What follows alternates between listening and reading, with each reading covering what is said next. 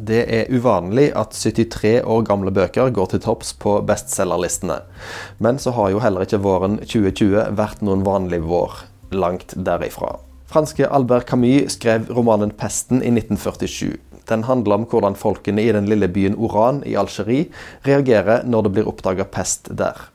Og som i alle gode romaner handler den om mer enn det en først legger merke til. Naturligvis, når vi plukket denne boka, så var det jo pga. koronakrisen. Selvfølgelig var det det. Og det gjør at en leser teksten med, helt, med helt andre øyne enn det en gjør, enn det jeg gjorde sist gang og ville gjort nå hvis det ikke var for korona. Og for det jeg ser hele veien når jeg leser, så tenker jeg at eh, hvis dette var korona lignende på det beregning som reagerer på hele veien Her er det ikke snakk om at det er 20 som kan samles, eller 50 som kan samles. Folk treffes jo ute akkurat som ingenting. Eh, det, det, er liksom en helt annen forskjell. Her er ikke mye, her er ikke mye eh, antibac, verken musserende eller annet. Altså, her er det ingenting av dette i det hele tatt. Her, her har du inntrykk av at hvis folk blir smitta, så er det liksom omtrent bare tilfeldigheter. Og så er det litt, grann, litt grann, naturligvis av, av, eh, at folk blir satt i karantene. Eh, men det som overrasker meg kanskje mest når jeg leser den om igjen nå, rent bortsett fra disse ting, det er altså, Jeg har alltid hatt en forestilling om Camus eh, som naturligvis er ikke noen gladgutt, det er ikke det jeg mener, men at det likevel er en såpass mye av optimisme og såpass mye tro på mennesket som det han legger for dagen. Eh, så Sammenlignet med Sartre, iallfall, så det, det, det er et mye mer positivt menneskesyn som ligger der. En helt annen forståelse av at mennesket er interessert i og er villige for å Han vil nok ikke være begeistra for å ofre harsellerer jo hele veien med folk som vil bli helgener. Og den Rieu, altså denne som har ført dette i pennen, han har jo en også Hva skal vi si det er en merkelig, for, altså en merkelig måte han, han, han, opptrer på, og den, den, måten han tar imot budskapet om at ektefellen er død og på slutten altså, Det er noe bortimot flatt i følelseslivet hans. Det er jo ikke det heller, men, men, men, men det er likevel denne her troen på mennesket, at, de, at folk de stikker ikke av de deltar. De stiller opp. Og, og, du kan være uenig med folk i det hele tatt, men, men, de er der for den andre er villige til å være der for den andre. Så jeg synes det, det gir et positivt syn på mennesket. Sant, altså dette var jo skrevet i 1940. Det var ca. 250 år eller noe sånt siden forrige gang det hadde vært en pest. Så fortellingen, beskrivelsen av pesten og forløpet der, syns jeg bare er helt utrolig bra å lese akkurat nå. Veldig bra Svein, at du foreslo denne boka. Jeg er litt usikker på om jeg hadde lest den hvis det ikke hadde vært for korona. Men jeg er veldig glad for at jeg gjorde det, for det er kjempebra litteratur, rett og slett. Nei, Jeg syns det òg var et spennende valg, for jeg visste jo at uh, Camus skrev jo denne om nazistene og andre verdenskrig, egentlig. Så han var veldig opptatt Ja, han har sagt det sjøl, at han han skrev han som en metafor på det. Han skrev han jo under andre verdenskrig mens han var med i motstandsbevegelsen i Frankrike. Eh, som et bilde på nazistenes inntog og hvordan Paris var beleira under andre verdenskrig. Eh, så jeg tenkte hvordan klarer han å, eller hvordan skal vi lese det i lys av dagens situasjon? Går det an å overføre det? Og så var det jo skremmende profetisk, sånn som du sier, Martin. Både hvordan de oppdager det, og framveksten av det, hvordan de er for seine med tiltakene, hvordan hjelpen ikke kommer, hvordan det ikke er noen kur. Um, at de ikke vet hva som skjer, at det er liksom den diskusjonen mellom fag og fornuft og da følelsene til folk, hva de egentlig vil. Så jeg, jeg syns fantastisk skrevet. Begynte å lese om på engelsk. i Den originaloversettelsen til engelsk den var knalltung å lese. Altså, jeg kom ikke av flekken. Eh, og så endte jeg opp med å lese den ferdig på den nye norske oversettelsen, og det var litt sånn så hvis du har gått med en unge på skuldrene veldig lenge og løfter den av, så plutselig så går det veldig lett. det, det, var en helt annen leseopplevelse. Altså Den nye oversettelsen var veldig fin. Det, det som jeg tenkte òg, at den kan eh, overføres til veldig mange andre områder. Eh, liksom Én ting er nazistene, og så er det korona. Men òg andre områder, sånn som eh, falske nyheter og populisme. Altså ting som skyller over oss, som vi ikke har kontroll over. Som gjerne vil kjempe mot, men som ikke har noe medisin mot. Eh, ting som vi ser i samfunnet rundt oss. Eh, som kan som det bildet kan brukes på. Det, det, det var fantastisk godt skrevet. og må ha vært eh, imponerende å lese på den tida han kom ut, men det var jo ikke mindre imponerende å lese det i lys av dagens samfunn. Det er sånn som dere sier, altså når jeg begynte å lese boka, så slo det meg hvor utrolig presis han var. Altså, så lett gjenkjennelig det. At han har klart å reskape det så tett på virkeligheten, det var, det var beint ut imponerende.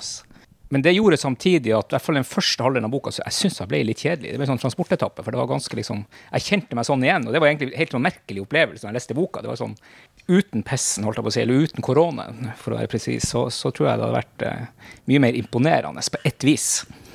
Eh, samtidig syns jeg han selve pesten altså det, Han begynte med disse rottene, hvordan de døde. Og så forsvant dette sykdomsbildet, altså fysiske sykdomsbildet, før det kom igjen i andre halvdel av boka. Han begynte virkelig å beskrive hvordan folk døde. Altså hvor ille det var. Og det tok veldig lang tid før han kom på det. Var akkurat som en sånn her smitt, altså, Du følte liksom at pesten kom på deg på en mye, mye Han vokste på deg på en måte med å lese boka. Det syns jeg også var et veldig sånn interessant fortellergrep. Og liksom du fikk en sånn feeling av hvordan var det å dø med og av det her. Jeg syns dette her var skikkelig stas, altså. Det må jeg si. Hvis du leser det som en betraktning rundt dette her med uh, antisemittisme eller fascisme eller nazisme, så er det liksom den der forstemmende tafattheten som kommer fram. At når disse her tingene begynner å rulle, så blir vi bare Først så er det sånn Oi, ja, nei, se, har du sett alle rottene i byen dør? Nei, så merkelig. Og så gjør han ikke så mye mer med det enn er bare vitne til det. Så er en vitne til mer og mer og mer som skjer, og til slutt så har han ikke kontroll lenger. Og da er han iallfall parkert på sidelinja. Så, så, jeg syns det er en sånn advarsel i det, da. Det sammenfaller jo utrolig nok med koronasituasjonen per i dag, med liksom hvordan en var stille vitne til det. Men sånn som du sier, Vatne, at det, vi, vi, må jo se på det på måte ved det politiske og det ideologiske òg. At, at, det er noen svingninger i verden som er som jeg tenker at vi er vitne til uten å gjøre så veldig mye med det. da. Jeg har ikke lest noe Camus før. Kjenner den ikke. Bare sånn Jeg Har ikke skjønt at jeg har lest en ny revidert oversettelse, for jeg syns dette var så deilig. Jeg veit ikke, jeg. Eh, den har Jeg har vel ikke lest så mye. Jeg visste ikke den parallellen til Eller jeg var ganske uinformert når jeg gikk i gang med boka. Jeg har forholdt meg uinformert til det, så jeg har ikke, jeg har ikke sett den parallellen til nazismen, jeg. Jeg har bare tenkt liksom meg og min navle, da. Med korona og sånn. Det er øh, artig å lese. Jeg tenkte, jeg snakka om det på jobb, at jeg tror dette er den første gang i livet jeg har opplevd å bli nekta noe. Og det er vel kanskje mest jeg har vært i berøring med den der overbygningen dere snakker om med nazismen. Altså, som går på samfunnet i dag. Ja, det tenkte jeg kanskje ikke på kom så mye fra å lese denne boka parallelt. da, At uh, vi blir stoppa, liksom. Blir, det er nei. Du får ikke lov. Noe av det som var interessant, syns jeg, er jo den der beskrivelsen av det likegyldige eller tafatte, som du omtalte det som, som er da måten de klarer seg på. For det er jo en sånn beskyttelsesmekanisme.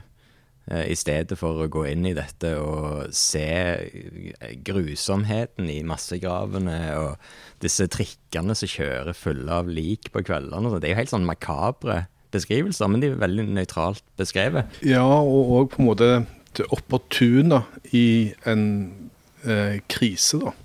Det var òg noe som jeg, som jeg eh, søkte opp eh, For når jeg hadde bestemt meg for at dette handler om nazismen, så, så begynte jeg å tenke på det. Ja, hva, hvordan var det med, med disse her eh, franske koloniene langs middelhavskysten eller i Nord-Afrika? Hvordan stilte de seg, liksom, når når Vichy-regjeringa kom og sånt. De hadde jo egentlig anledning til De er jo langt vekke. De kunne jo bare sagt nei, vi vi vil være en del av det frie Frankrike. sant? Gått i ledtog med engelskmennene og kjørt på. Men, men det som det, altså Artikler som jeg har kommet over når jeg har lest om det nå, da, det, det er jo at det, det blir omtalt at for, for disse koloniene så passet egentlig fascismen veldig godt. Det glei egentlig rett inn i det menneskesynet som de allerede forfekta. Med, med, en enorm sånn rasisme og, og, et klassesamfunn eh, uten like. ikke sant? Så, så det, det, var helt uh, fint, det. Jeg vet ikke hvor mye det har å si for selve historien, men en ting som det er litt løye å observere når en leser det nå, da er jo at det var jo egentlig ingen damer eller arabere med i fortellingen. Det er jo bare vestlige menn. Det var noen mødre med. Et par mødre som hadde en sånn omsorgsrolle. En syk ektefelle. Ja, det var iallfall veldig få kvinner, da. Så, så er det vel eh, omtalt en episode hvor det er en eh, franskmann som dreper en eh, araber nede på stranda. Og da, om det så sier hun som driver butikken at eh, hvis de bare hadde sperret inne disse her eh, eh, barbarene, så hadde vi kunnet gå i fred. Og det virker ikke som det er mordere hun snakker om, det virker som det er araberne hun mener.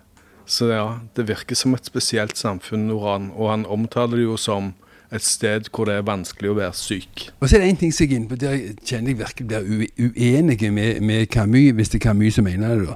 Det er den her tanken om at, uh, når mennesken gjør onde ting, så er det av uvitenhet. Altså hvis, det, hvis folk bare blir opplyste nok, altså det er jo en gammel diskusjon i filosofien tilbake til Sokrates, altså hvis, hvis folk bare vet hva som er rett, sier de det som er rett. Min erfaring fra eget liv og fra andres liv er at slik er det ikke. Altså jeg jeg skulle ønske det var rett, men altså hele opplysningsprosjektet eh, har jo gått ut på å tro det at eh, hvis folk får opplysning om hva som er rett og godt å gjøre, så vil de komme til å gjøre det. Min erfaring til å si at det, det stemmer et stykke på vei, men det er bare et stykke på vei. altså. Menneskene kan meget vel vite hva som er godt å gjøre, og gjøre like det motsatte. Koronaen er jo bare, en, er jo bare et slags bilde på eh, sant? Altså Den oppvåkningen som, som noen hevder at vi kanskje får. Jeg eh, elsker jo tankene dine, Martin, men jeg er altfor nihilistisk til å tro på dem. De prøver å finne en vaksine i boka, da forsker de vel på mennesker, og en unge døde skrikende eh, fordi han ikke virker. Og, og eh, vi kan tro at det finnes en verden etter korona nå som er liksom full av frisk luft og folk som lar bilen stå. Men hvis du ser på bevegelsene borte i USA og i Brasil, så er de helt motsatt retning. Det er drit i, at, eh, drit i den der 1 som dør. Hvorfor skal vi bry oss om det? Jeg må tilbake på jobb. Det er en ganske hard kynisme. Og, og, og jeg, og jeg syns jo at denne her boka egentlig skildrer Han skildrer noen helter. Men, men hvis du tenker på disse heltene, hvor, hvor fånyttes forsøkene deres er, da. Og, og, og, og hvis du sammenligner med den franske motstandsbevegelsen, eller den norske motstandsbevegelsen, eller motstandsbevegelser i diktatur uansett, så ja, det er godt for menneskeheten at de fins, men, men, men de, de klarer stort sett ikke å snu det. Eh, jeg har jo lurt på mange ganger om det er sånn at, eh, at en kultur må på en måte eh, synke ned i den absolutte skammen over sin egen fascisme, før han på en måte oppgir den tanken, da. For, for hvis du ser på USA, hvis du ser på Brasil, altså de, har ikke vært, de har ikke vært igjennom på en måte den fasen, egentlig. Mens Europa på en måte Altså Den gamle romerloven sier vel noe om at eh, ingen borger kan straffes uten lov og dom. ikke sant? Alle har rett på en rettssak osv. Du kan ikke straffes fysisk på offentlig sted, bla, bla, bla. Og så har vi liksom brukt de neste 2000 åra på å prøve å bryte den loven, da. For det har jo vært ganske kjipt når du ser på Europa. Så, så jeg lurer jo på om, om vår arv med alt det galne som vi har foretatt oss, har Altså, vi har hatt så mye pest at vi på en måte har blitt Jeg tør ikke si immune, det tør jeg ikke tro på. Men at vi iallfall er mer oppmerksomme på den da. Mens, mens det som jeg ser i Brasil nå, det skremmer meg. Dette kan jeg for lite om, men jeg hører podkaster, og da var det en sånn pestsak på noe som heter Rekommandert. Og det starta jo med den der eh, boka 'Det kom et skip til Bjørgvin' i 1349. Og da drar jo denne historikeren eh, som er gjest der, eh, linjen ganske langt og sier at eh, liksom etter, etter noen år med pest, så slutta jo folk å tro på Gud. Altså Det var jo en, en, en, en vippepunkt for, eh, for opplysningstidens start, fordi at kirken måtte oppgi makt. Og vi er bare fire måneder inne i det. Det kan jo, kan jo skje noe med oss også, hvis dette bare drar ut, og at det vi trodde på, må vi forkaste, da. Det er ganske åpenbart hva som er rett handling, hva som er rett å gjøre blant menneskene. Det å leve som en flokk og dele, dele ting og leve i, i pakt med naturen. Det, tenker, det er helt åpenbart rett. Og så gjør vi helt åpenbart feil hele veien. Og Det gjør meg litt eh, oppgitt sånn i lengden, sånn på 47 året nå, å se at vi gjør feil hele tida. Så, så jeg frykter undergangen. Men jeg eh, dyrker den ikke. At du er misantrop, eller kall det hva du vil. Eh, så tenker jeg at det, i beskrivelsen av meg, nå skal jeg snakke bare om meg sjøl, så tenker jeg det treffer ikke i det hele tatt. Jeg står opp hver bidige bitsens dag, eh, og nå, nå snakker jeg med meg som, som gjelder oss alle sammen. Ifra jeg står opp til jeg legger meg, så gir jeg stort sett noe der jeg hele veien har blikk for hva er best for den og den og den. Jeg gjør jo ikke noe annet hele dagen. Altså, Iallfall når jeg har små unger, helt fram til nå, så mener jeg jeg har mest med støvesikten over hva jeg sjøl har lyst til å gjøre, for det er alltid noe som binder meg og, og, og, med, folk som har legitime krav på meg. Og det tenker jeg, det sier noe om at det, nei, den her skrøydingen av at vi er så egosentriske, at vi er så sjølopptatte, tror ikke noe på det. Jeg sier ikke at det ikke fins, men jeg sier det, det er en grassat overdrivelse, og det er en nedsnakking av mennesker som etter mine begrep er en rest av altså, pietisme som er blitt, som er blitt sekularisert med det pietisme som ligger bakom de egne premissene. Et perspektiv på fascismen er jo at de, de har sånn ekstremt innenfor og utenfor. At enten så er du den rette rase, eller så er du det ikke. Og hvis du er den rette rase, så, så er du OK, og hvis ikke, så, så er du ikke OK. Avskygninger av den tanken eh, eh, er jo kanskje det som, som, er pesten. Og på den måten så har vi jo pesten veldig mye fremdeles. At vi tenker at enten så, så er du her, eller så har du dratt ned og blitt IS-brud. Og da, da, har du ingenting her å gjøre. Da er du ikke oss lenger. Da, da skal ikke vi løfte en finger. Eh, som noen sier, for, for, å gjøre noe for deg. Du er ikke i vår flokk. Eh, og, og, det er jo det jeg syns blir problematisk med, med, Eller som er gjenkjennelig med den, den, han presten i denne boka, som forfatteren ikke uten skadefryd eh, lar dø, syns jeg.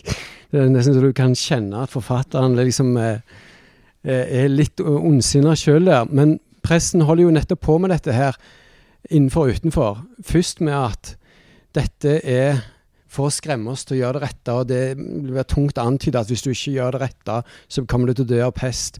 Og så modererer han det litt, men egentlig så er det bare en enda sterkere variant av, av innenfor og utenfor. At han sier det at nå nå er det, nå er det etter, nå er det for real. Enten så er du med oss, eller så er du mot oss. Og det, det fins ingen gråsoner lenger. Og det, det, det syns jeg er noe av det mest eh, skumle. Jeg tenker det er, den, det er den pesten vi har i dag, at eh, vi, vi, er veldig gode på å slåss for oss og det som vi tenker for er inni vår gjeng. Sånn som du, Arnfinn, sier, at eh, jo, vi gjør veldig mye for andre, men det går noe det er noe med hvor stor er gjengen som du jobber for. Jobber du kun for deg sjøl, eller kun for din familie, eller kun for din by, eller kun for din region? For en slagkraftig region, eller, eller, kun for ditt land, eller klarer du å utvide perspektivet enda mer? Det, det syns jeg altfor få som har, har, en stor inngjeng, eller en global inngjeng. Grunnen til at de velger Trump i USA, det er jo fordi han sier jeg vet nøyaktig hva vi skal gjøre, og jeg kommer til å fikse dette steinbra. Men hvis, hvis det står en person der og veier fram og tilbake og for og imot, og, og sånt, så er det liksom helt utydelig det er jo ikke det en ønsker når en er i en krise. Da trenger en en leder. Jeg syns at Camus beskriver det ganske godt her. da. Han, han, snakker om dette her med når du lever i på en måte den umiddelbare trusselen. ikke sant? At, at uh, vi er nødt til å si at pesten hadde tatt fra dem evnen til å kjærlighet og vennskap. For kjærligheten krever litt framtid, og for oss fantes bare minutter. Jo nærmere vi kommer trusselen, jo mer desperat ser vi etter noen som sier 'jeg vet veien'. Og det er ikke det Riø sier. Han sier kanskje vi skulle ha gjort det, men da ville, da, det har jo noen konsekvenser, sånn og sånn. Det blir ikke hørt i den situasjonen. Eh, jeg tror det var noe i det du sa der, som du ga svaret sjøl, på en måte. For eh, mm, vi trenger Riø før det er desperasjonen som, som tar oss. Og, og, og, det er det eh, som jeg tror er, eh, var mitt, mitt, poeng. At vi må være villige til å se. Eh, vi må være villige som Riø var. Han var den første som så. Eller han var den første som insisterte på at dette kaller vi for pest. For det er det det er. Og, og det, det er det jeg mener. At det er den vi trenger å slutte oss til.